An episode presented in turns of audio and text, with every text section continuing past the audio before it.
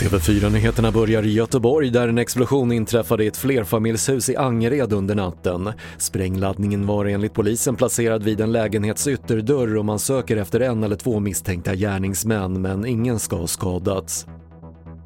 Så till Malmö där ett tiotal bilar förstördes efter en brand i en garagelänga igår kväll i Persborg. Polisen som fick larm om en hög smäll misstänker att det hänger ihop med bränderna men det finns inga uppgifter om skadade eller gripna. Samtidigt som det råder brist på coronavaccin på många håll i landet har privatpersoner i Västsverige redan fått vaccin ämnat för vårdpersonal utan någon kontroll av var de jobbar. Det skriver Göteborgs-Posten och personerna har bokat in sig via en länk för vård och omsorgspersonal som har spridits vidare. Och grundvattennivåerna har återhämtat sig i Sverige efter att i flera år har legat lågt på många håll, rapporterar SR.